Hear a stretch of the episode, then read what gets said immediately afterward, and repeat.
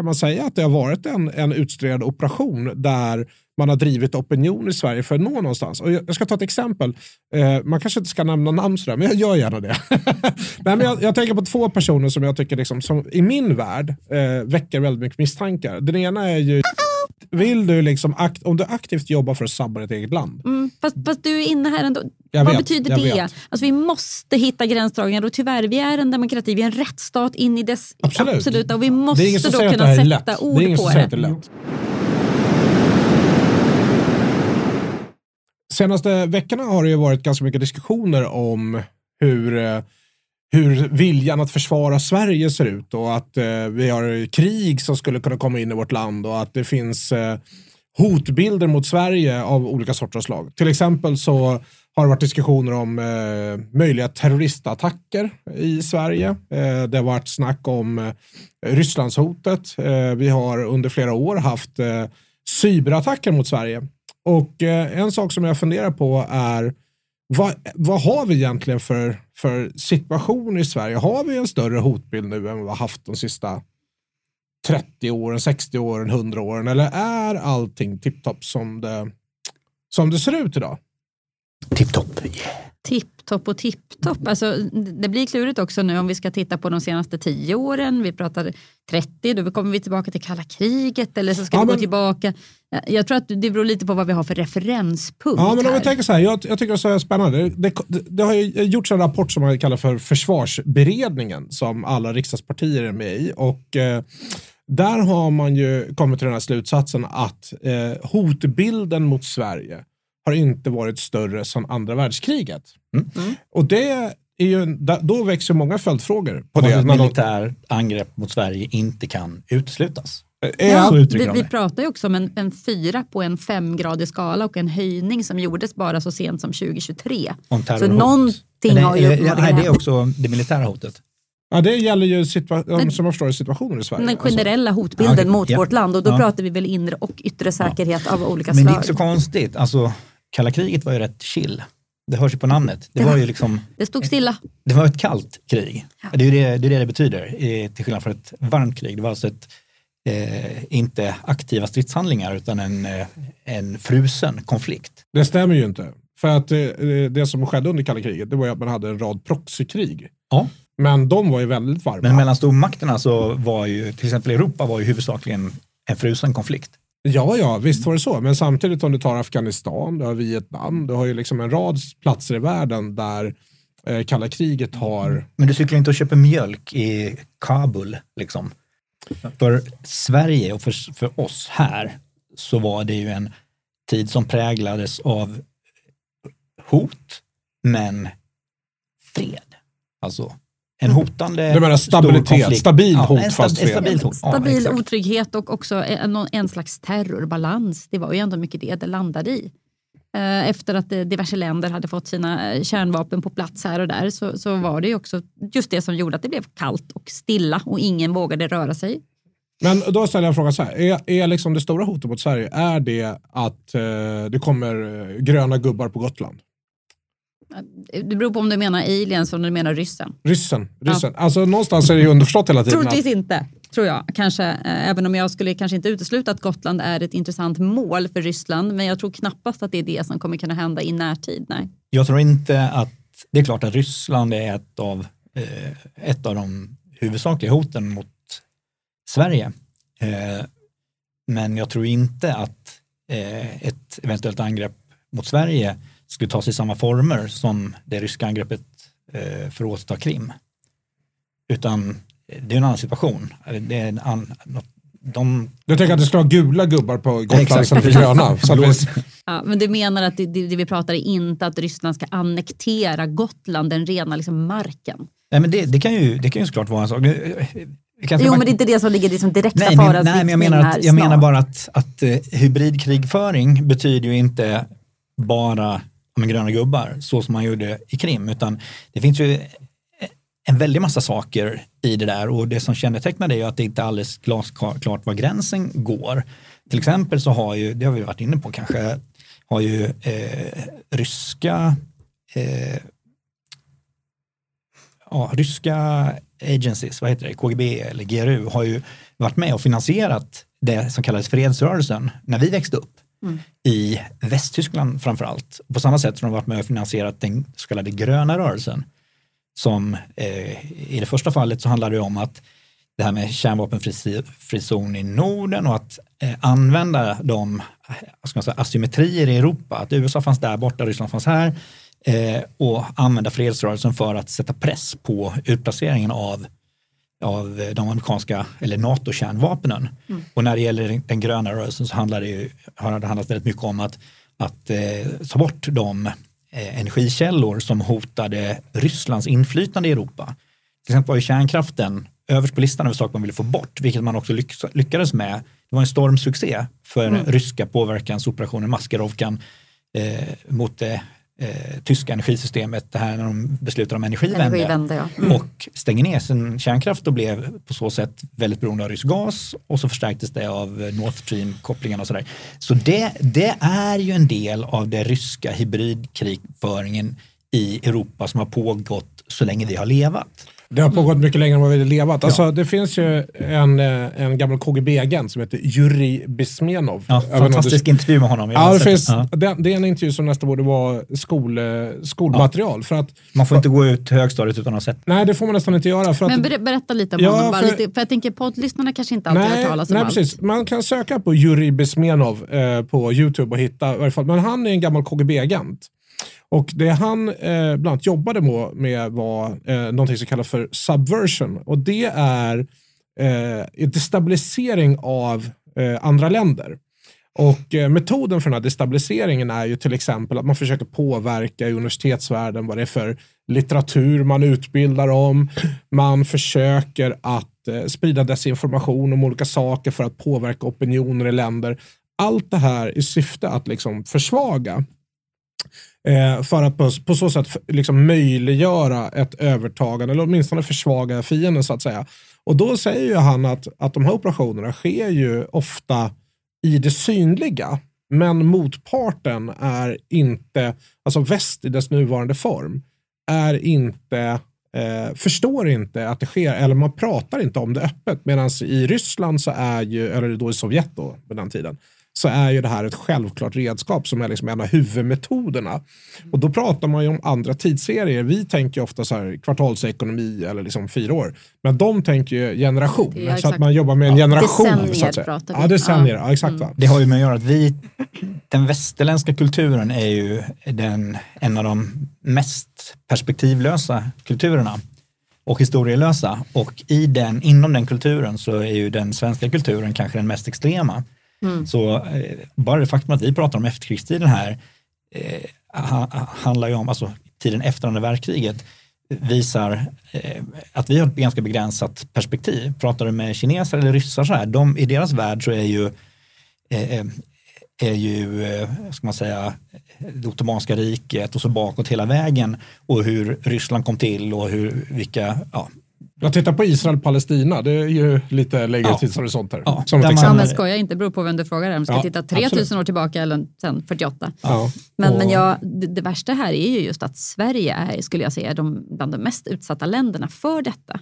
Och det beror ju framförallt på att vi är komplett fredsskadade i det här landet. Alltså vi har ju egentligen ingen nu levande person i Sverige har varit med om krig eftersom att vi inte har varit i krig under liksom relativt lång tid. Vi kan ha någon enstaka som, min farfar var ju i Finland under andra världskriget. Ja, vi, kan ha varit vi har några som, enstaka sådana och så har vi Kongo eh, FN i Kongo såg riktig action. Jo, alltså vi kan ha individer. Mm. Tro mig, alltså, vi har ju jättemånga som har invandrat till Sverige som ja. har ju varit extremt färska bilder. Men det jag menar, vi som nation vi har, Sverige har ju inte liksom varit utsatta på det sättet på så otroligt lång tid. Och när vi inte ens var med i andra världskriget på det sättet som ändå våra grannländer var. Alltså vi, lät ju bara, vi lät ju tyskarna passera här och tänkte att vi ska rädda vår egen befolkning. Men det gör ju också att vi har ju ingenting att sätta i perspektiv. Det har ändå faktiskt våra nordiska grannländer till och med. Ja, Finland i synnerhet får man Ja, säga. i Men, synnerhet. Och jag men menar, där eh, det är klart, alla mycket. i, i andra världskriget så var ju alla drabbade, eh, utom vi egentligen. Som Exakt. hade lite sån... Eh, But they fought the. Nazis. We didn't.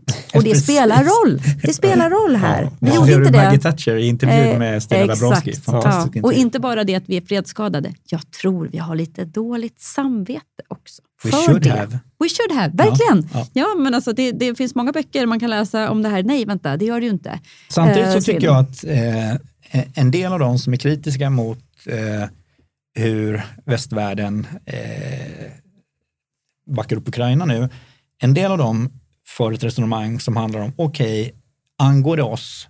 Ska vi engagera oss? Jag håller inte med dem alls när de säger att det inte angår oss, tycker det i högsta grad angår oss. Men det är ändå en rimlig fråga att ställa varje gång. Innan man Självklart. Ja, man måste utvärdera och tänka igenom vad vi gör för att det innebär ju risker för vårt eget land. Afghanistan till exempel upplever jag inte angår oss på något sätt. Det, jag har svårt att se en, ska man säga, ett händelseförlopp där någonting i Afghanistan eh, blir Nej. geopolitiskt militärt hot mot Sverige. Förutom att man skapar en jättestor flyktingström därifrån som vi bara öppnar gapet och sväljer. Men det, Jo, det där men det är, bara, det, det, är ett, det är ett problem vi har hittat på själva. Det är, det är inte ett problem som finns på riktigt. Jag håller helt med ang- angående Afghanistan. Däremot så tror jag att den, eh, den konflikten i, Israel-Palestina, där skulle det faktiskt kunna påverka Sverige för vi är så otroligt insyltade i det. Eh, och dessutom är det lite barriären, men det är ju där öst möter väst. Eh, och, ja, men det blir lite som Ukraina också, som är Ja. barriären mellan Ryssland Men- och men Europa. Det så finns en likhet mellan eh, Ryssland och deras sätt att tänka kring detta och kan säga, arabvärlden och den muslimska världen och tänka, sätt att tänka på detta. Mm. Ryssland vill återställa det imperium de hade när det var som störst. Ja. Eh, eller till exempel nyligen när det var Sovjetunionen. Det är viktigt för dem att återställa det och deras mindset är att det, det går att göra. Eh, på samma sätt så är ju muslimer i, eller politisk, polit, muslimska politiska rörelser vill ju återställa kalifatet och göra det ännu större den här gången. Det nådde ju långt ut på den Iberiska halvön, runt hela Medelhavet och så hela vägen ut till Indien och Pakistan eh, och n- hela Nordafrika. Det var ett jättestort rike och de ser ju framför sig att det ska återupprättas också. Och det är ju en likhet mellan de här. Ja, men, men så här, det, det jag tror man måste ha med sig, för eh, det, det är ju att om du tar Rysslands perspektiv här, eh, så, så är ju eh, det finns en geopolitisk större frågeställning. Ryssland förhåller sig inte till Sverige. Ryssland förhåller sig till USA. Alltså, det, det, är liksom, det är där som den, som den konfliktlinjen finns. Vi är ju eh, proxyaria för, eh, för hur de beserar. Och det är det som också är i fallet, om vi tar Ukraina till exempel, så ser ju Ryssland det som legitimt deras område.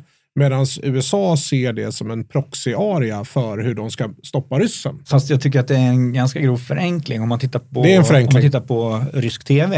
Eh, jag tittar på lite så här klipp och sådär från sådana här politiska talkshows från Ryssland. Då återigen eh, hur historiskt medvetna människor är i, i Ryssland jämfört med i Sverige. Polen är ett annat land där varenda mellanstadieunge kan polsk historia tusentals år tillbaka. Det bara, det bara ska man göra.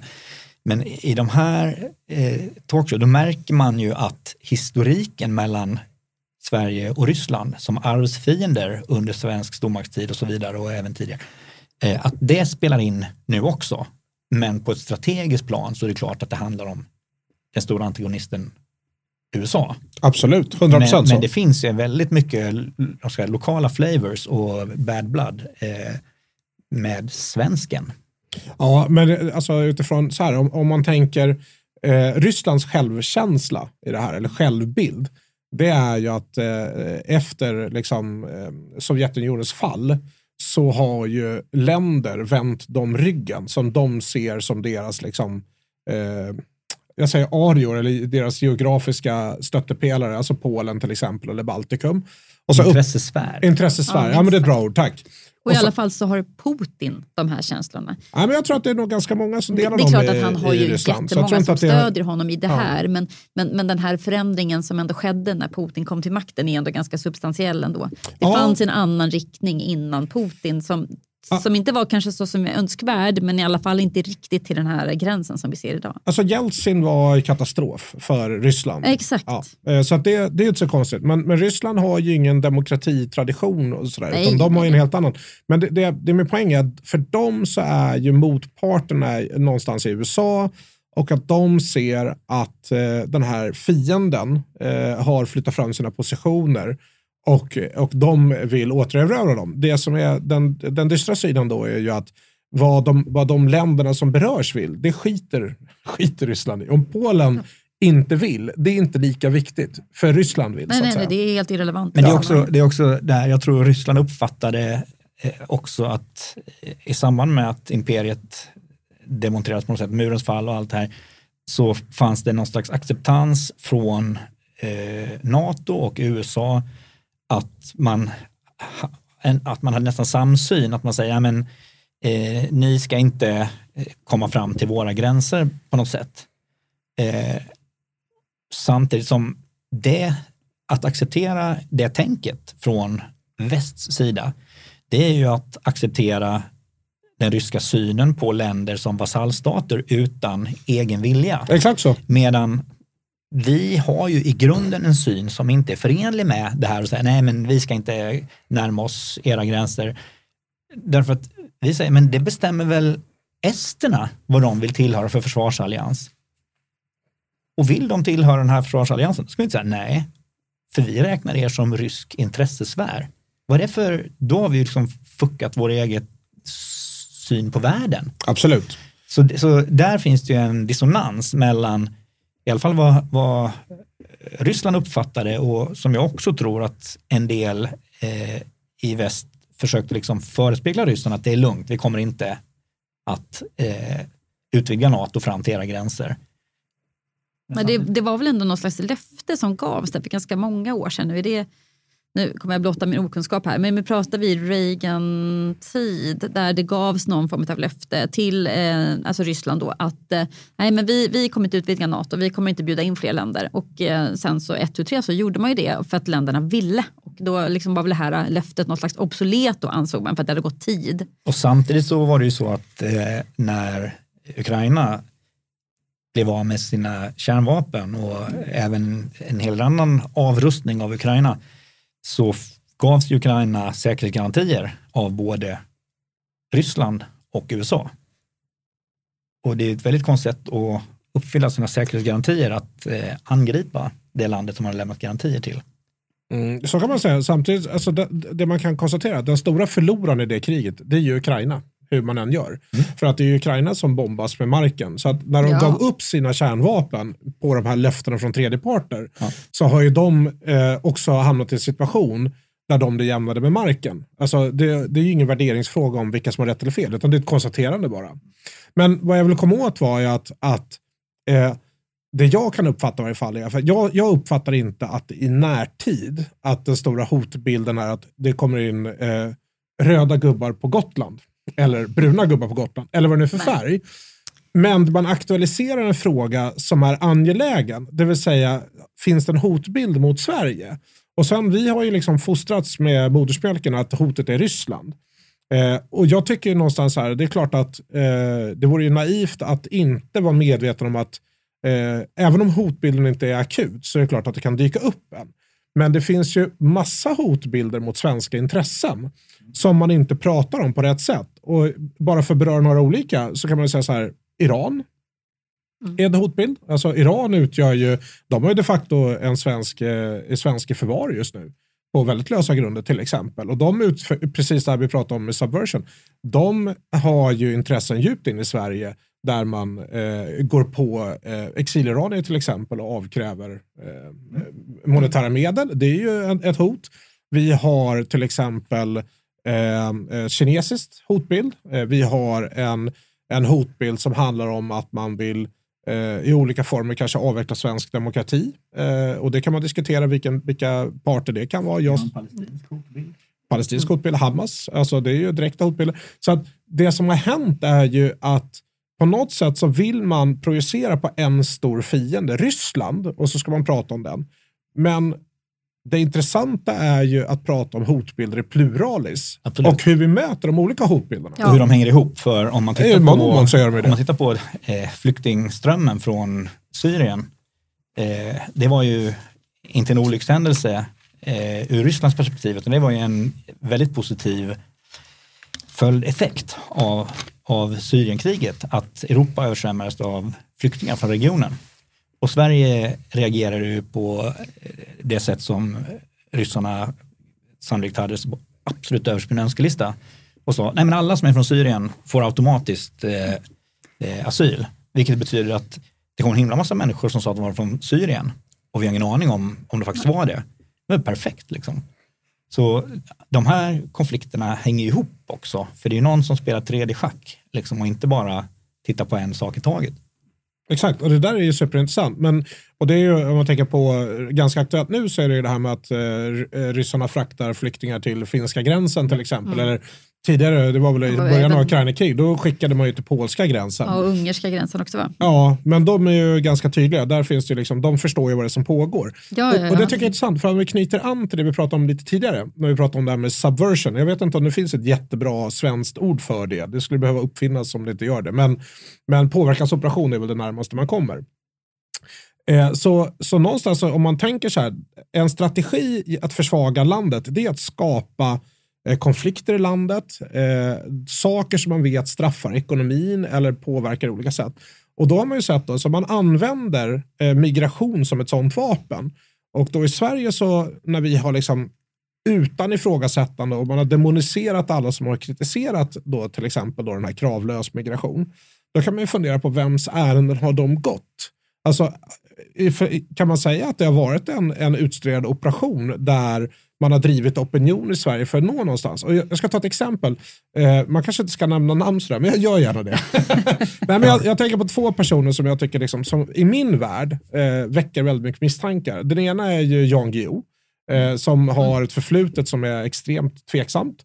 Eh, och den andra är Göran Greider. Eh, och Göran Greider, om man tittar nu i, liksom, i närtid, sista, sista tiden, hur han inte, man kan titta väldigt lång historik på Göran Greider för övrigt. Det finns så mycket små Ja, men det skatter det. där. Men det är ganska uppenbart att när han uttrycker sig så är det inte i Sveriges intressen. Nej, nej. Det är inte det. Det är andra intressen som ligger bakom. Och han, en annan som skulle kunna vara Jerzy Sarnecki, eh, som är tveksamt, där man liksom man, man twistar verkligheten på ett sätt som är destabiliserande.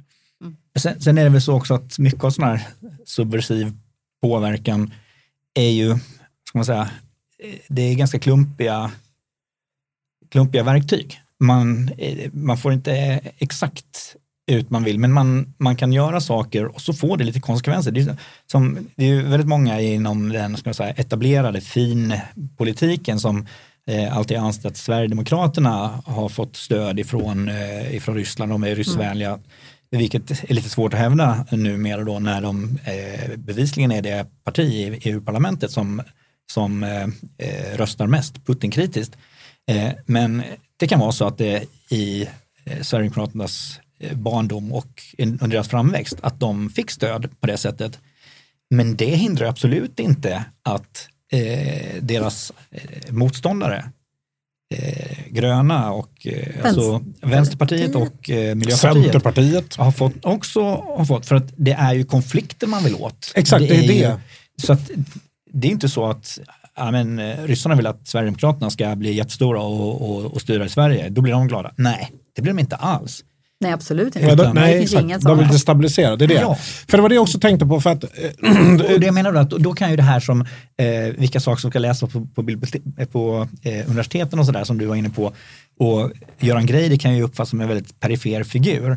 Men han är ju inte, han är nog inte en asset utan han är bara ett uttryck för den framgången som Ryssland har haft i västvärlden genom Exakt. att putta fram eh, marxism och olika schatteringar av vänster eh, åsikter som när de rullar ut genom samhället passar eh, en fiende väldigt bra. Ja, de kan ju också egentligen bara vara nyttiga idioter. Tyvärr, Exakt, alltså, det är inte exakt. helt ovanligt. Liksom. För Det är så mycket som man, man plockar upp här, att, att äh, det är solidaritet, det är så många fina ord.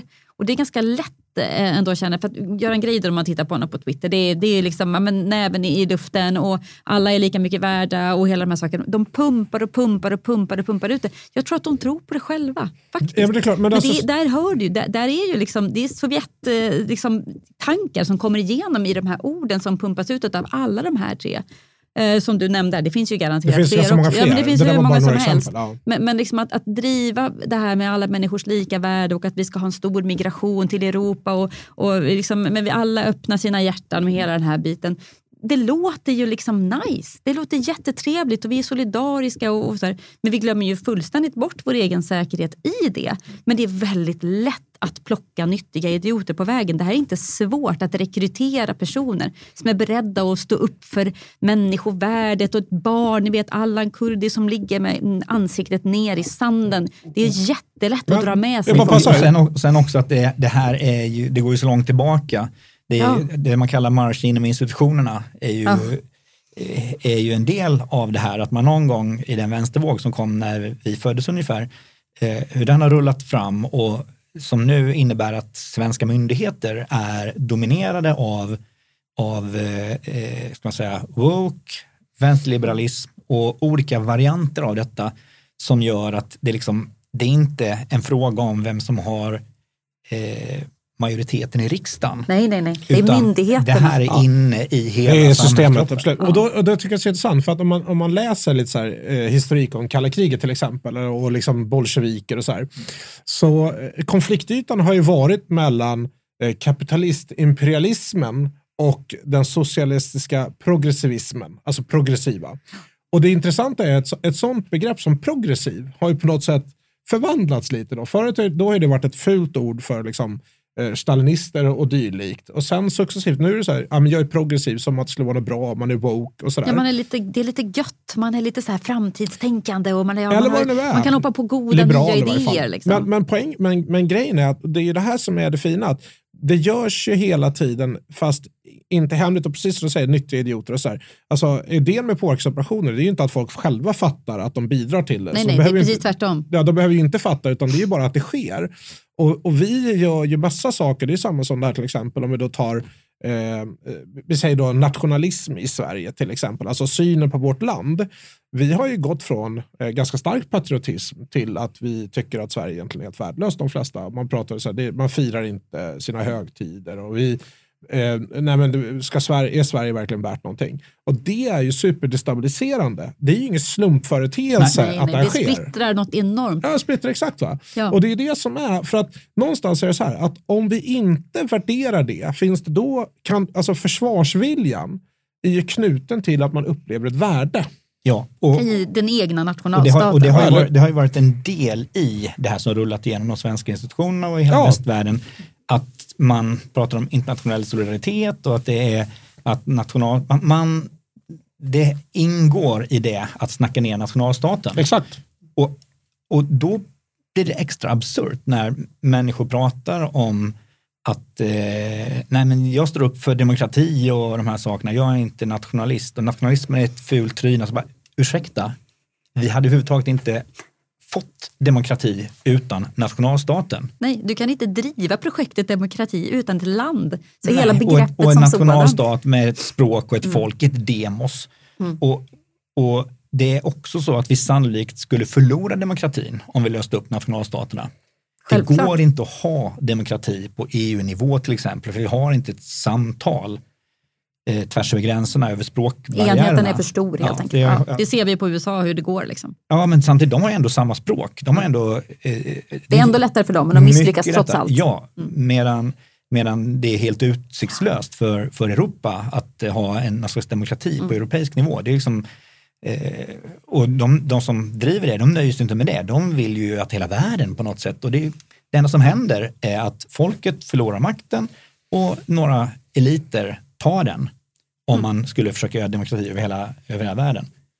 Ja, men så som vartenda socialistiskt prov eh, Ja, och det här är ingen slump, utan det här, är, det här är by design Mm. i det här eh, som man har infekterat eh, den västerländska samhällskroppen med, eh, anser jag. Ja, exakt. Och då vill jag säga så här, för det, där vi pratar om de här hotbilderna, för det tycker jag är intressant. För att om man säger så här att, att när vi tar ställning, vi säger mot då Ryssland eller mot Kina, så är det ju någonting som skaver för oss. Det är någonting som vi känner oss obekväma med. Alltså, och det är ju den här den totalit totalitaristiska tanken någonstans. Vi vill ju inte bli en diktatur, vare sig den är kinesisk eller rysk eller kubansk. Iransk iransk mm. eller vad det nu är, eller ett kalifat. Liksom. Utan någonstans så finns det ju ett kall efter någon form av frihet. Men, men det, det intressanta är ju att om man tittar på EU till exempel som institution så har ju det övergått från att man retoriskt pratar om att skydda och värna genom att flytta så mycket makt från medborgarna till någon abstrakt institution vars syfte är att dominera oss. Lite krasst så är det så. För att EU som du själv sa, du sa ju så Johan precis, att ja, men det är ju inte eh, liksom, det, det, är ett självväxande monster och det är omöjliga förutsättningar att ha en fungerande demokrati. Mm. Och då någonstans här, där vi pratar om att vi ska upprätthålla våra värderingar, försvara vårt land och vårt sätt att se på saker, då blir faktiskt EU, EU börjar övergå i någonting som kan uppfattas som ett fiende. För EU jobbar ja. inte för oss i alla mm. avseenden, de jobbar mot inte oss. Längre, inte längre. Men, måste, men där måste man, eh, för det, är ju, det kan ju framstå lite, eh, finnas massa nyanser och sådär. Man får, 100%. Hitta, man får hitta vilket sätt man kan skära det på för att göra det mest tydligt. Och för mig så är det tydliga sättet att skära det på eh, att säga så länge EU är ett samarbete mellan självständiga demokratiska nationalstater som har en väl fungerande demokrati eh, på hemmaplan och där man, eh, de som har kommit, kommit fram, ledare som kommit fram ur den demokratin möts i ett samarbete i Europa och gör saker som de har stöd från i sin hemdemokrati, om man säger så. Alltså, så länge mm. EU är ett samarbete mellan självständiga nationalstater med fungerande demokrati, I'm all for it. Oproblematiskt, det är när EU ska ges en egen förmåga. Det är därför till exempel den här fonden eh, som i förlängningen kan innebära, alltså coronafonden som i förlängningen kan innebära beskattningsrätt eh, är problematisk. Det är därför EU-parlamentet som sådant är problematiskt och jag vill ju att det ska i, i nästa mm. fördrag så ska EU-parlamentet bort. För det är en charad för att låtsas demokrati på den nivån. Så så tycker jag man kan skära det väldigt tydligt. Att EU är problematiskt när det är något annat än ett samarbete mellan självständiga stater. Exakt, och då vill jag bara säga så här, för det är klart att det finns en gradient mellan olika saker. Man kan ju inte likställa EU dess nuvarande form med Ryssland till exempel, eller Kina, det vore ju väldigt olämpligt. Men riktningen som EU går i, jag, jag skulle lägga till en notis till det där, det är ju att när, när syftet med EU är att köra över de här enskilda staterna, alltså när man frångår idén om att samarbeta för att gynna de enskilda länderna, till att tvångssamarbeta för att någon centralt tycker att nu jäklar, så här ska vi göra för att jag tycker att det är genialiskt. Då har ju tvingande, tvingande solidaritet. Tvingande solidaritet. ett, sånt exempel, ett sånt exempel är ju till exempel då med, med hur man hanterar beskattningsrätt. Eller till exempel om vi skulle, alltså om vi skulle ha europeisk beskattningsrätt. Eller då ta den här med migrationsfrågan. Om nu till exempel Polen inte vill ha liksom, fri migration till höger och vänster Eh, då är det ingenting Tyskland ska bestämma över dem. Det är Nej. bara så. Det är bara färdigt. påpeka att Polen har tagit emot eh, mer flyktingar än många andra länder. Det var, det var inte Efter Ukraina-kriget, ja. absolut. Men det, det var ett ja. exempel. Liksom, utan det här är ju frågor där EU ska ju vara en katalysator för de här demokratierna, inte en eh, eh, du ska säga, hitta ett ord här, men alltså inte en despot som bestämmer över dem. För att då har vi ju liksom bara, vi har fått en annan sorts eh, eh, styre som inte värnar om de demokratiska ideal som vi har. Och det skulle jag säga, så att det samtalet förs inte heller, men det är en hotbild. Men, men, det stora problemet med EU tycker jag som har blivit det är att det ligger för långt bort ifrån varje medborgare i EU och att man orkar inte driva det i det egna privata. Du har fullt upp med det i din kommun och det är din, ditt eget land. Och att du då har eh, Bryssel långt där borta som sitter och stiftar lagar 70 procent av svenska lagar som klubbas igenom i riksdagen kommer ifrån olika former av EU-direktiv. Det är ju helt bisarrt. Det är sådana mängder så att man, det är knappt folk vet om detta. Exakt, och då menar jag så här, hur påverkar det försvarsviljan? För vad är det vi ska mm. försvara? Mm. Är det, det, EU? det kommer påverka försvarsviljan enormt. För vi har, orkar inte driva att också försvara liksom hela den här federationen. Men antingen, nu, där vi är nu är att antingen så är det hela EU eller också ska vi gå tillbaka till bara Sverige. Men där konstaterade vi alldeles nyss att det var ju fult och dåligt att vara nationalist men, i men Sverige. Samtidigt måste vi vara klara över, ska vi ha de fyra friheterna, vilket jag tror alla runt det här bordet är för, och Öl, sprit.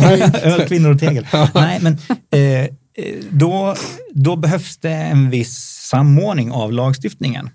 En, en viss, ja, men det där det, är key Men point. det jag ser framför mig är att den måste, den måste drivas från länderna och så synkas den. Nu får man lite mer intrycket att det, att det det, det där drivs uppe. där och sen så är det färdigt och förpackat och så är det take it or leave it när det ska tas i, i de nationella parlamenten. Och det är problematiskt, för då börjar den här processen som vi sitter och varnar för här. Mm. Men, och dra nu för alla lyssnare då, vilka är friheterna? Det är fred, fri rörlighet, fri, rörlighet. fri handel. Ja, fri rörlighet för varor, tjänster, Tjänster. människor och Kapi- kapital. kapital. Men så här, kolla. Eh, eh, jag, jag tänker ofta så här, för att geopolitik, försvar, eh, i varje fall nu när vi pratar om yttre hot, det handlar om geopolitik. Och eh, så som jag ser det som EU till exempel utvecklats till, eller liksom, eller synen, det är att för, för Sverige, där vi befinner oss nu, finns egentligen bara mer eller mindre dåliga allianser. För så som EU utvecklats så är det ju det största skälet till att vara med i EU, det är ju också som en garant för andra eh, eh, parter i världen, till exempel Ryssland eller Kina, där vi inte kan värja oss som egen nation. Så vi är tvungna att, eh, för att vi ska kunna liksom ha... Man vill samarbeta med likasinnade. Man vill samarbeta Ja. med likasinnade. gemensamma intressen. Ja, och idealt så är det så att om man, om man tittar så är det så att den, den, den naturliga arenan för oss är i Norden. Det är egentligen det som är våra grundnaturliga. Där har vi ju väldigt likartad kultur, vi har ganska likartade språk, vi har en ganska stor förståelse eh, för, för varandra. Och sen liksom, när vi kommer ganska långt bort i EU så är det här Grekland till exempel och Sverige ganska väsensskilda på ganska många plan. Eh, och då Jag får försvåras inte tala om alla de östeuropeiska länderna som kom in eh, liksom i ett senare skede efter. Ja, där har vi andra, och då är det skillnader fast på andra sätt då till exempel. Men ja, men 100%, då är det det helt annat som du pratade om där, liksom att man, man vill att EU ska vara liksom en, en federation, eller så, inte, inte en federativ stat, men, men att man vill ha ett, en sammanslutning av Samarbete. länder som är demokratier. Ja. Samtidigt så är det ju ett sunt drag hos de centraleuropeiska länderna är att de har ju en helt annan Eh, ska man säga, förståelse och syn på sin kultur och sin befolkning. De har ju, de, de har ju ganska nyligen varit i ett läge där de har kunnat se faktiskt vad en sämre kultur, ett sämre system, en sämre ideologi gör och ett inflytande ifrån ett annat folk har haft i deras länder eftersom de fanns bakom järnridån. Ja, du tänker på Polen, Ungern och så vidare. de Alla- vet alla ju precis vad det handlar om. Så när de, när de sitter där så ser de Tyskland och Sverige skotta in folk ifrån eh, Mellanöstern och Nordafrika. De tycker vi är helt dumma i huvudet, vilket de såklart har helt rätt i. Därför att vi har på något sätt glömt bort vilken betydelse det har med befolkningssammansättning, vilka ideologier och vilka eh, kulturella fenomen som dominerar ett land. De har fått smaka på vad det innebär. Eh, De är Att inte fredsskadade. Nej, men det, Nej. för, och det här, är- det här tycker jag är så intressant. För jag, jag har funderat mycket på så här, vad är det som bygger eh, där, alltså försvarsviljan bygger ju på att det är någonting som är värt att försvara. Och vad är det där något? Är det, liksom, är det en landarea? Är det en tillhörighet? Eller vad, vad är Ja, eller ekonomiska ideal? led Eller, vad, vad är det för eller- något? Ja, men det är, det är alla de Skatteverket. Ja, ja, men det är alla, nej, men det, eh, institutioner i, form av eh, tillit och eh, sätt som vi gör saker, eh, alltså i bred mening institutioner. Men, men det är därför som vi är, jag tycker man kan beskriva att vi är utsatta för hybridkrigföring. För det som bland annat migrationen har gjort med Sverige är ju att det som vi vill försvara, det som man kan tänka sig att samlas kring och vilja försvara, har ju frätts sönder. Bland annat Exakt, exakt. tilliten och det finns delar av landet man inte uppfattar som hemma längre. Eh, och så, så där är det ju inte alls särskilt liksom far-fetched, eller vad man ska säga, eh, att koppla den hybridkrigföringen mot vår eh, militära försvarsvilja.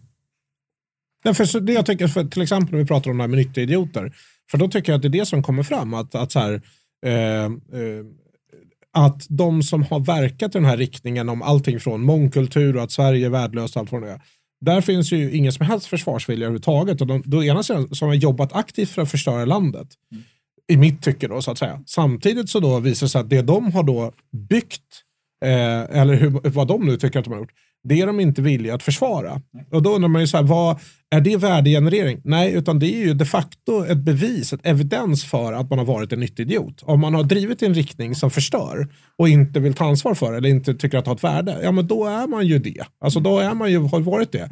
Det måste vara fruktansvärt, nu är jag inte så säker på att de kommer till den självinsikten, men om de skulle göra det så måste det vara ett fruktansvärt kvitto på ens egen insats. Att säga, jag har, ja, jag har sabbat. Men man har ju definitivt också gjort det helt, tror jag, i många fall ovetandes och oförståendes.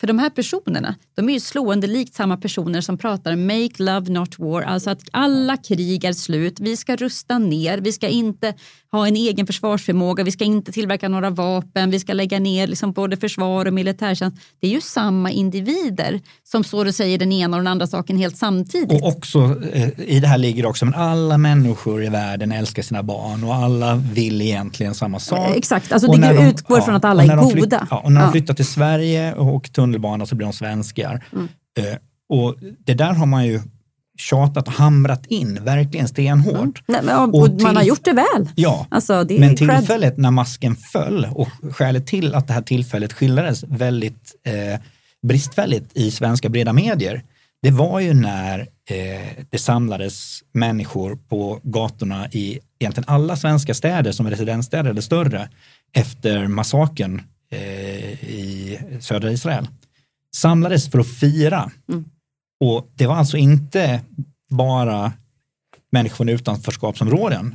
Det var ju det var ju leasingbilar, BMW-bilar och folk en i kostym. En sjuk som sammansättning är, av personer. Folk som är systemförvaltare i ett, i ett stort företag och, och, och, eller som installerar om din dator om du jobbar på ett stort företag. Det är människor som jobbar och undervisar dina barn i skolan som, som vi har fått lära oss att nu är de svenskar, nu är de med oss. Liksom. Exakt, exakt. Men de står på gatorna och firar ett angrepp på, eh, på Israel som nation. Eh, och det var ju människor från ungefär 30 länder som eh, mördades i den attacken. Så det var ett angrepp på hela västvärlden och Israel är en symbol för hela västvärlden Absolut. hos de här människorna. Och nu kan alla se, som inte bara tittar på Sveriges Television eller de här andra eh, statligt stödda eh, nyhetskanalerna, har ju kunnat se att masken föll. De är inte alls svenskar. De vill inte alls det vi vill. De vill något annat. Eh, och det, och det vill jag komma åt, för att om du tar då eh, just Palestina, Israel då, kopplat till det här. För där eh, blev det så uppenbart, för Hamas, de gör ju ingen hemlighet av att de vill döda alla judar, men de vill ju också liksom rasa ihop hela väst. Ja. De hatar oh, ja. väst. Det här det är, bara det, i första utposten, ja, de vill gå det, vidare. Exakt. det kriget som drivs, bedrivs mot Israel, det är ju i högsta grad ett krig som kommer till oss i den mån det inte redan är här. Ja. Jag tror ett skäl till att vi har lite mindre av det här är att, eh, vad ska man säga, man ska inte kacka eget bo som man säger. Sverige är ju lite grann beachen för, ni vet när USA krigade i Korea så flög man till, eh, till Tokyo och Japan på ledighet. Sverige har ju haft den funktionen för väldigt många islamister att man liksom roterar in och ut folk. Eh, så i Sverige så får man ju vara i fred, man har bra bidrag, vi har naiva politiker och ett dysfunktionellt rättsväsende som inte sätter åt de här. Så här har de ju kunnat liksom vänta de, de bidar sin tid, för det här är inte personer som har bråttom. Det här är Men, också personer som vet att demokrati, de, förlåt, demografi är någonting som fungerar på lång sikt. Demografi slår allt. Det slår precis allt. Titta på Afghanistan, titta i de palestinska Gaza-delarna där. Det är demografi, de vet och de har inte bråttom. Nej, och det, de som hävdat att det pågår ett folkmord där i 75 år ja. har ju lite bevis eftersom befolkningen i de palestinska områdena har ju sexdubblats under den här Ja. tiden som de på, påstår att det pågår ett folkmord. Så, Ja, men, du- titta på hur många barn de här människorna föder och hur många av dem som de planerar i princip ska dö för saken. Alltså, det är klart att det dör barn i Gaza för att det- hälften av alla som bor där är ju under 18 år. Men det är det jag menar, om vi då, om vi då överför det. För att I praktiken så är det så att när man går ut och hyllar det här, då, då är frågan så här, Sveriges hotbild och hur hanterar vi våra hotbilder? Om vi nu säger så här, om det hade kommit gröna gubbar på Gotland, eller blå, blå gubbar.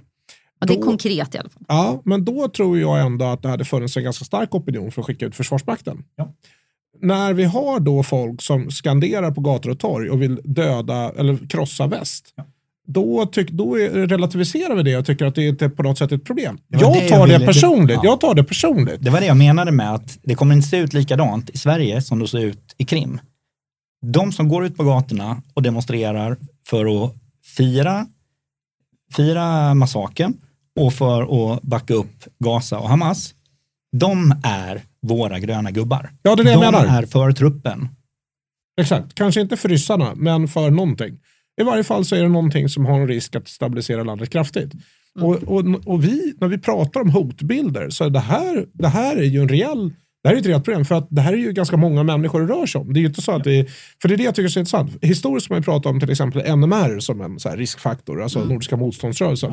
Och vad är det? Det är 150 tattare som, spr- ja, förlåt det är inte alls det är några men till. de är i varje fall Det är fortfarande liksom ett Nej, antal men jag, hundra personer. jag var lite elak mot tattarna här, det var Nej, det som var man, räknar, poängen. man tror man räknade till ungefär 800 människor räknas till den rörelsen. Ja, det är så pass i alla Som fall. klär ut sig till servitörer och marscherar i Okej, Borlänge men liksom, med det- grönvita Men man tänker på de här siffrorna från Säpo, som, det var väl några år det sedan som de kom ut Det med är, det. Mm. det är tusen pers. Generella draget har är inte... noll support av en tyst, en tyst Ja, större grupp. ja, exakt. Medan, Ah, För det och noll support av samhället i Ja, övrigt. ja, De här är liksom finns liksom- förvisade från allt. jag Ja. tror de har väldigt svårt att få bidrag till sina små ci- studiecirklar också. Oh ja. Till skillnad Ja. från Ja. islamisterna. Exakt, och det var det som är poängen. Att, eh, och oavsett om det är islamister eller vad man nu kallar det för, så är det ju personer med avsikt att skada Sverige.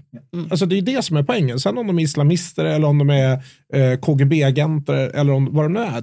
Syftet är tydligt, det är att man vill inte Sverige väl. Varför gullar vi med det för? Ja. Det och för- hur tänker man gå tillväga när man inte vill Sverige väl? För när man tittade på de här olika eh, alltså inre hoten i Sverige så pratar man ju om, det, det finns ju den autonoma vänstern, det är ett 500-tal personer. Ja, det tror jag något fler hoppas, eller hoppas jag inte alls, men jag skulle Men tro det, att det är no, det, i, sammanhanget igen, det, det kanske inte spelar jättestor roll, Nej. utan det är ett gäng och de är lite färre än de högerextrema. Sen har vi dem, då, det är NMR och deras kompisar, de är ganska tydligt vilka de är. Eh, De har en viss förmåga att begå terrorattacker men den är relativt, bedöms som ganska liten. Sen har du en stor grupp som är större än de andra två tillsammans. Enligt, det här är ju Säpo. Eh, den, den är mer än dubbelt stor som de andra två grupperna tillsammans. Och här bedöms de av Säpo att på riktigt ha liksom en förmåga och en vilja och de har understöd från eh, andra länder att faktiskt begå terrorbrott eh, på svensk mark. De finns i Migrationsverket, de finns i rättssystemet, de finns i, ja, runt om i myndigheter också. Absolut. Och de finns i, alltså i liksom de här eh, vad kallas det, muslimska, det heter inte, De är, alltså inte, de moskéerna. är inte bara understödda av externa länder, de är faktiskt understödda av våra skattepengar. Det är Absolut. det som är titta på läxhjälpsföreningar och sådana saker. De hittar ju allt möjligt för att kunna få pengar. Sen är det också så att det finns en, en historik av att vänstern har gått armkrok med islamister. Det, Oh har, ja. ju- det har hänt i flera länder eh, och det mest talande exemplet är ju Iran. Det är därför iranier eh, knappt tror sina ögon när de tittar på Sverige och säger men kan, kan ni in- inte läsa en bok? Kan ni inte bara titta Nej. i historien? Den iranska vänstern gick ju armkrok med islamisterna för att få till ett, eh, revolutionen. Men det tog ju bara liksom, eh, en väldigt kort tid innan islamisterna sa tack, nu har vi haft hjälp av er, nu skjuter vi er i nacken dra." och så tjong. Och så blir det islamistiskt. Och det har ju hänt i flera länder. Eh, men det verkar ju inte svensk vänster ha lärt sig någonting alls av, utan de är fortfarande liksom bästa kompisar med islam. Men de har ju inte lärt sig någonting av att titta på jorden överhuvudtaget. De har inte lärt sig någonting av Kina, någonting av Sovjetunionen, någonting av Kuba, alltså Nordkorea. De, de har inte lärt sig. Jag vet inte, vi kan nog sätta punkt där på det. Nej, det vet jag. jag, Alltså, jag det, nästan- nej, jag, jag vill faktiskt säga så, för jag tycker så roligt. För jag pratade ju om Jurij Besmenov tidigare. Just det, Och, vi, eh, nu kopplar vi tillbaka här. Ja, eh, för, för det är så intressant, för han berättar ju om eh, Sovjetunionens taktik kring det här. Och eh, han förklarar vad som händer eh, när man är klar med övertagandet med alla de här nyttidioterna. Åh herregud, Eh, håll han i hatten ganska, nu. Ja, utan eh, han säger väldigt tydligt och det finns ingen sån här form av förvarning utan man skjuter av dem så det är klart. alltså, och det var, liksom, det, det var så uppenbart. Så det, när Ryssland har tagit, eller då Sovjet, eh, om de tar makten över landet eh, så att säga på ett eller annat sätt, då nackar man dem lite snabbt och prydligt eh, och det är inga konstigheter och så går man vidare. Och jag har Och det är läst... inte en bugg, det är en feature. Det en är feature, ja. det, det har en man feature. stor nytta av framåt Ja, också. och då läste jag bland annat, för jag, jag tycker att det finns en del, eh, alltså den nuvarande eh, geopolitiska situationen eh, gör ju att det kan vara klokt att eh, eh, läsa lite mer om kalla kriget och vad som har hänt och utspelat sig. Och då Afghanistan, eh, som du tyckte inte var våran eh, närhetsfär, och det kanske inte är, men det är ett väldigt intressant land. Eh, för Afghanistan har ju varit i krig på alla möjliga eh, eh, tid och När har de inte varit i krig? Ja, alltså, det är länge sedan. Det kan korta jag inte stunder. Ja, men exakt. Men då Sovjet var ju där inne och rumla eh, då till exempel. Mm. Och då var det mycket så, när de eh, hade sin lojala häst där så att säga, och så skulle man hjälpa den, då nackade man 15 000 pers lite snabbt och prydligt. Och, så, och det var liksom inga konstigheter. Och, det- och det är ju de talen och det, det är ju den modellen som man jobbar med. Det är ju samma liksom, om de var dissidenter i Ryssland, ja men skicka dem till Gulag, klart. Eller Sovjet då, eh, nu heter de inte Gulag längre, men han, Det är samma skit. Ja, men Navalny till exempel heter han väl. Han, är väl, eh, han sitter ju inte på, eh, liksom på torget och Det är skanderar. inte på utan- Hall i Sverige och Nej. käka julbord. Det är liksom inte där han är. Nej, det var lite kallare och lite sämre. Mm. Så att de har ju modellen klar för det. Och, och, det, och det är så den här oviljan att ta till sig de här lärdomarna. Och precis då, för, för eh, den här, det som vi kallar för eh, terrorislamistiska hotet, de har ju precis samma modell också. Det är klart att om de eh, blir framgångsrika i ett land så nackar man dem.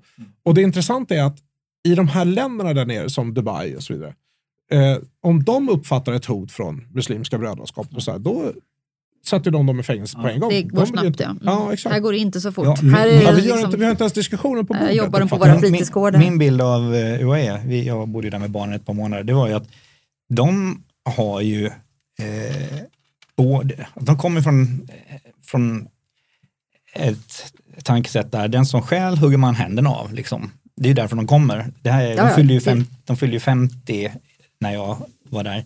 De är väl 52 och sådär nu. Eh, och eh, man börjar där, man hugger händerna av, av eh, tjuvar och, och sen har de ju alltid velat ha den senaste bästa tekniken. Det är fantastiskt De åker dit. Och det är liksom, har de, gör de någonting så gör de de senaste grejerna. Så de har ju, de är ju en högteknologisk polisstat. Så det finns ju inte, ska man säga, på kartan att någon kan vara terrorist och agera där. För att det smäller. Det är till och med så, så att, så att eh, de har ju kameror på hotellen. Så eh, jag hörde om en person som berättade att han förlorade en medarbetare plötsligt. Han dök inte upp på jobbet. Så går det tre, fyra dagar. Det visar att han har varit och tagit en öl med en, det här, Ah. det, det här var då en medarbetare från ett muslimskt land. Mm. De är lite hårdare hållna än eh, västerländska expats. Eh, då berättade han, "Nej, men jag var och tog en öl med en kompis på ett hotell och så kom polisen och grep mig. Jag har suttit häktad i, i tre dygn. Eh, för det var en mismatch mellan vad han hade angett för lön när han lånade pengar till en bostad och vad som faktiskt kom in. Det, var någon, det visade bara vara ett missförstånd. Men eh, eftersom banksystemet häng, var så tätt ihop med, eh, med eh, säger, polisen och myndigheterna där så var det bara att plocka in honom. Plocka in honom och så kollar de upp det och sen, ah, det var lugnt. Släpper dem utan en ursäkt eller någonting. Men att han inte fick massa pengar från justitiekanslern då? Man brukar ju få Eller- 800-900 000 i Sverige. Ja, exakt. Alltså det Men- men- finns men- men många men- fördelar att bo Men här. slutsatsen jag drar av det, det är ju att är det någon man skulle vilja fick förvalta Gaza och Västbanken så är det UAE. De skulle ju, dels är de ju partners med Israel nu, sedan, jag menar Abrams och Partners kanske. Jo, lite, absolut, ja. i högsta grad. Oh, ja. Alltså, Ja, de har ju handelssamarbete, de har men handlat Abraham varandra. Accords är, är, det är, ju- det är, ju- det är, I Sverige får man, inte, får man inte höra så mycket om det eftersom det kom ju till under, under Trump-tiden. Ja, nej, men så är det ju. Det är en jätteframgång det för hela Mellanöstern. Och, och om, om de här länderna fick som de ville så skulle ju man få med hela arabvärlden i det och sen så blir det lugn och ro. Liksom. Men, eh, men eh, de hade ju kunnat se till så, så Hamas inte kan visa sitt flyt igen. Så har de också en investeringsapparat och en förvaltningsapparat som må vara korrupt eller sådär eftersom det är klanbaserat. Men det skulle ju vara två kasinon, två universitet, eh, eh, energianläggningar, vattenavsaltning, Mycket turisthotell Ja, och rubbet. In, alltså, på 8-10 år så skulle det här ju rulla liksom. Nej, men det håller jag med om, men eh, eh, det, det, det, det får nog framtiden utvisa. Men om vi tar hem det här, för att liksom backa till Sverige, vi går, vi går Vi hem. måste tillbaka. Tillbaka till Sverige. det- Ja, ja. hotet. Jag vill ändå förstå, Ja. för att så här, vi, liksom, vi, har, vi har en hotbild på olika plan. En del, och, och hotbilden är inte total invasion nödvändigtvis bara. Det skulle kunna vara i en långsökt värld att Ryssland kommer hit och tar över landet. Men just nu i närtid så ser inte det så sannolikt ut, ärligt talat. Däremot så finns det ju med det sagt fortfarande den här interna en intern hotbild till exempel som är ganska påtaglig och även en extern till exempel då att påtryckningar från Kina eller vad det kan vara. Men min fundering blir ju så här, okej, eh, hur, hur arbetar vi med de två? Försvarsvilja och att faktiskt skapa uppenbarligen en acceptans för att vi tar itu med de hoten som finns på hemmaplan. För det görs ju ingenting på hemmaplan i princip. Titta på de här nu, om ni tittar så här, jag säger inte att man måste slänga folk i fängelse och kasta nyckeln per se, men om vi har folk som då till exempel är ute och demonstrerar, eh, som, som då vill riva hela västvärlden, inklusive Sverige, och kasta oss på tippen. Hur kan vi liksom inte, hur kan det bara fortgå? Alltså varför skickar vi inte Ja. iväg Så folk? det, här, för mig är det en balansgång i att eh, vi kan inte förbjuda åsikter. Nej, Nej. Men om någon hyllar och förespråkar terror, mord på civila, stöttar det, då har jag inga problem med att bara internera, kicka ut. liksom. det är det jag menar. Problemet är ju att vi, om vi, om vi var överens om var vi sätter gränsen och hur vi vill agera, eh, så har vi ett gigantiskt logistikproblem. De enda eh, stora man säger, evictions som har gjorts egentligen, det var ju dels eh, 1948 eller efter 1948 eh, så eh, under ett par decennier så skickar man ut judarna ur massa arabländer och i Nordafrika. Ja, där Israel dök upp. Ja, den var storskalig, den, eh, den, den, de landsvisningarna. Eh, vi har ett case nu i Pakistan som man läser väldigt lite om. Ja, Där de- de, absolut. de, Afghan, eh, afghaner skickas de hem. Är spottar ut 1,7 enormt, ja, 1,7 enormt miljoner människor till Mm. Afghanistan. Eh, vilket är rätt intressant. Vi har eh, att, att de här två miljonerna människor i Gaza flyttar mellan norra och södra för att, eh, för att eh, Israel ska kunna bekämpa Hamas. Det är ett himla liv om.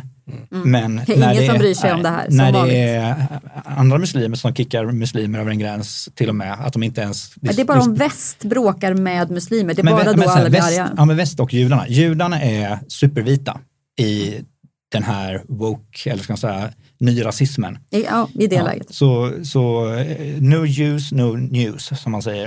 Eh, men, men för Sverige så tror jag att vi behöver inte ens prata om logistiken, för den kommer en dag när vi egentligen skulle behöva hyra in eh, liksom 40 pakistaner. För. Hur gjorde ni när ni flyttade på 1,7 miljoner af afghanistaner? Eh, men vi är ju inte ens där. Vi har inte ens börjat prata om detta som ett riktigt problem. Och vi är så mycket långsammare. I Tyskland så rusar nu eh, AFD i opinionen. Och det är ju inte heller en önskvärd utveckling vill jag bara påtala. Nej, det kan man, det kan man Nej, nej, absolut vi tycka. pratade ju förut Ja. om de högerextremistiska, Ja, eh, det men, det, men det är en konsekvens Ja. av att Tyskland har gjort precis samma vanvettiga eh, har betett sig som Sverige på många sätt. Ja, absolut. De har ju destabiliserat sig själva. Inte minst Merkel kan man ju fundera på. eh, vad Men de har ju gjort samma migrationspolitiska misstag som Sverige har gjort. absolut. Så. Men de, de har gjort både energi och i migration. Ja, de- det är de verkligen liten- generalreceptet. Absolut. Och det, som, och det jag ser så här, vi, vi kan ju ändå liksom kika lite på tyskarna och säga, okej, vad händer? För vi vet ju att svenskar är förbannat sävliga och vi, först går man och knyter näven i fickan, så säger man ingenting och ingenting och sen så, så bara, och, och hade vi kunnat ha en, vi har ju nu till exempel en fantastiskt mycket bättre dialog om eh, behovet av militärt försvar, beredskap, mycket tack vare Carl-Oskar Bolin som är kanske den bästa politiker som vi har fått fram Ja, i Sverige. Ja, jag älskar honom, tror jag. Jag säga det. Jag brukar säga att eh, moderater är sossar med Hen Henry men han är ju verkligen en moderat på det sättet som Gösta Bohman var. Mm. Eh, riktigt bra. Så nu har vi en diskussion om det. Kunde vi ha motsvarande diskussion om the enemy within och hotet inifrån? Då skulle mycket vara vunnet. Och sen då, ja. i förlängningen så kommer logistikproblemet. Och det är, en, det är en ganska lång resa till logistikproblemet för att vi är Ja. ju inne på en jättesvår area här i en demokrati. Mm. Vi har åsiktsfrihet. Gud vet att vi vill ha kvar åsiktsfriheten. Vi har yttrandefriheten och alla sån, Mm. föreningsfriheten och sånt. Och det är svårt att sätta lagtexter på de här sakerna. Alltså, var går Ja, gränsen men mellan att jag alltså, vill går du ut på gatan? vill du liksom om du aktivt jobbar för att sabba ditt eget land. Mm, fast, fast du är inne här ändå. Jag Vad vet, betyder det? vet. Alltså, vi måste hitta gränsdragningar och tyvärr, vi är en demokrati, vi är en rättsstat in i dess Absolut. absoluta och vi Det är måste då kunna sätta. Det ord på det. att det Men det är också därför som, som man måste tänka efter innan. Vi har en massa, det går inte att lagstifta om allting, Exakt. utan en del av det som gör ett land fungerande är en värdegemenskap. När den värdegemenskapen inte finns längre, då blir det förbannat dicey, för då måste man Ja. liksom se, då, då kommer man i ett läge där man antingen får låta sitt samhälle förändras i en extremt negativ riktning eller måste vara snubblande nära att, Mm. att ge sig på. Jag tycker hets mot folkgrupp, lagstiftningen är djupt problematisk i sig. Absolut. Och nu använder de inte ens den när det hetsas för fullt mot Mot judar. just på, judar som på var hela grunden till att den Så, tillkom. ja, så det här visar liksom vad, eh, vad problemet är. Och jag rekommenderar ju igen och igen alla att läsa, eller än hellre lyssna på eh, Douglas Murray, The Strange Death of Europe, eller The War on the West. Han läser in dem själv på sin fantastiska eh, engelska. Eh, de, Jag, vet, inte, jag tycker man ska lyssna på Alla ska med istället. Ja, men, de, men de beskriver väldigt, de beskriver väldigt bra den här processen, vad det är som har hänt och hur vi genom att förneka att vi har en kultur, att den är värdefull och, och genom att relativisera och genom eh, den här vänstervågen så har vi hamnat i ett läge där, där vi i princip begår ett kulturellt självmord. Absolut. Alltså, vi är ju rasister mot oss själva. Det finns ju till och med de som har liksom forskat på de här mekanismerna vad som driver rasism, det vill säga att man tycker att andra kulturer är sämre. Det är precis samma mekanismer som finns i Sverige för att vi tycker vår kultur är sämre. Men utfallet är bara sa, exakt tvärtom. Vi har ju bara små grodorna och sådana tramsigheter. Vi, de andra har mycket bättre kultur. Ja, eller Men- liksom, Mm. vad heter han, eh, Reinfeldt, det enda svenska är barbariet. Vad är det för Och det, skit? och då, liksom? så här, jag är lite besviken för att jag, jag känner så här, vi, vi har ju pratat ganska länge nu.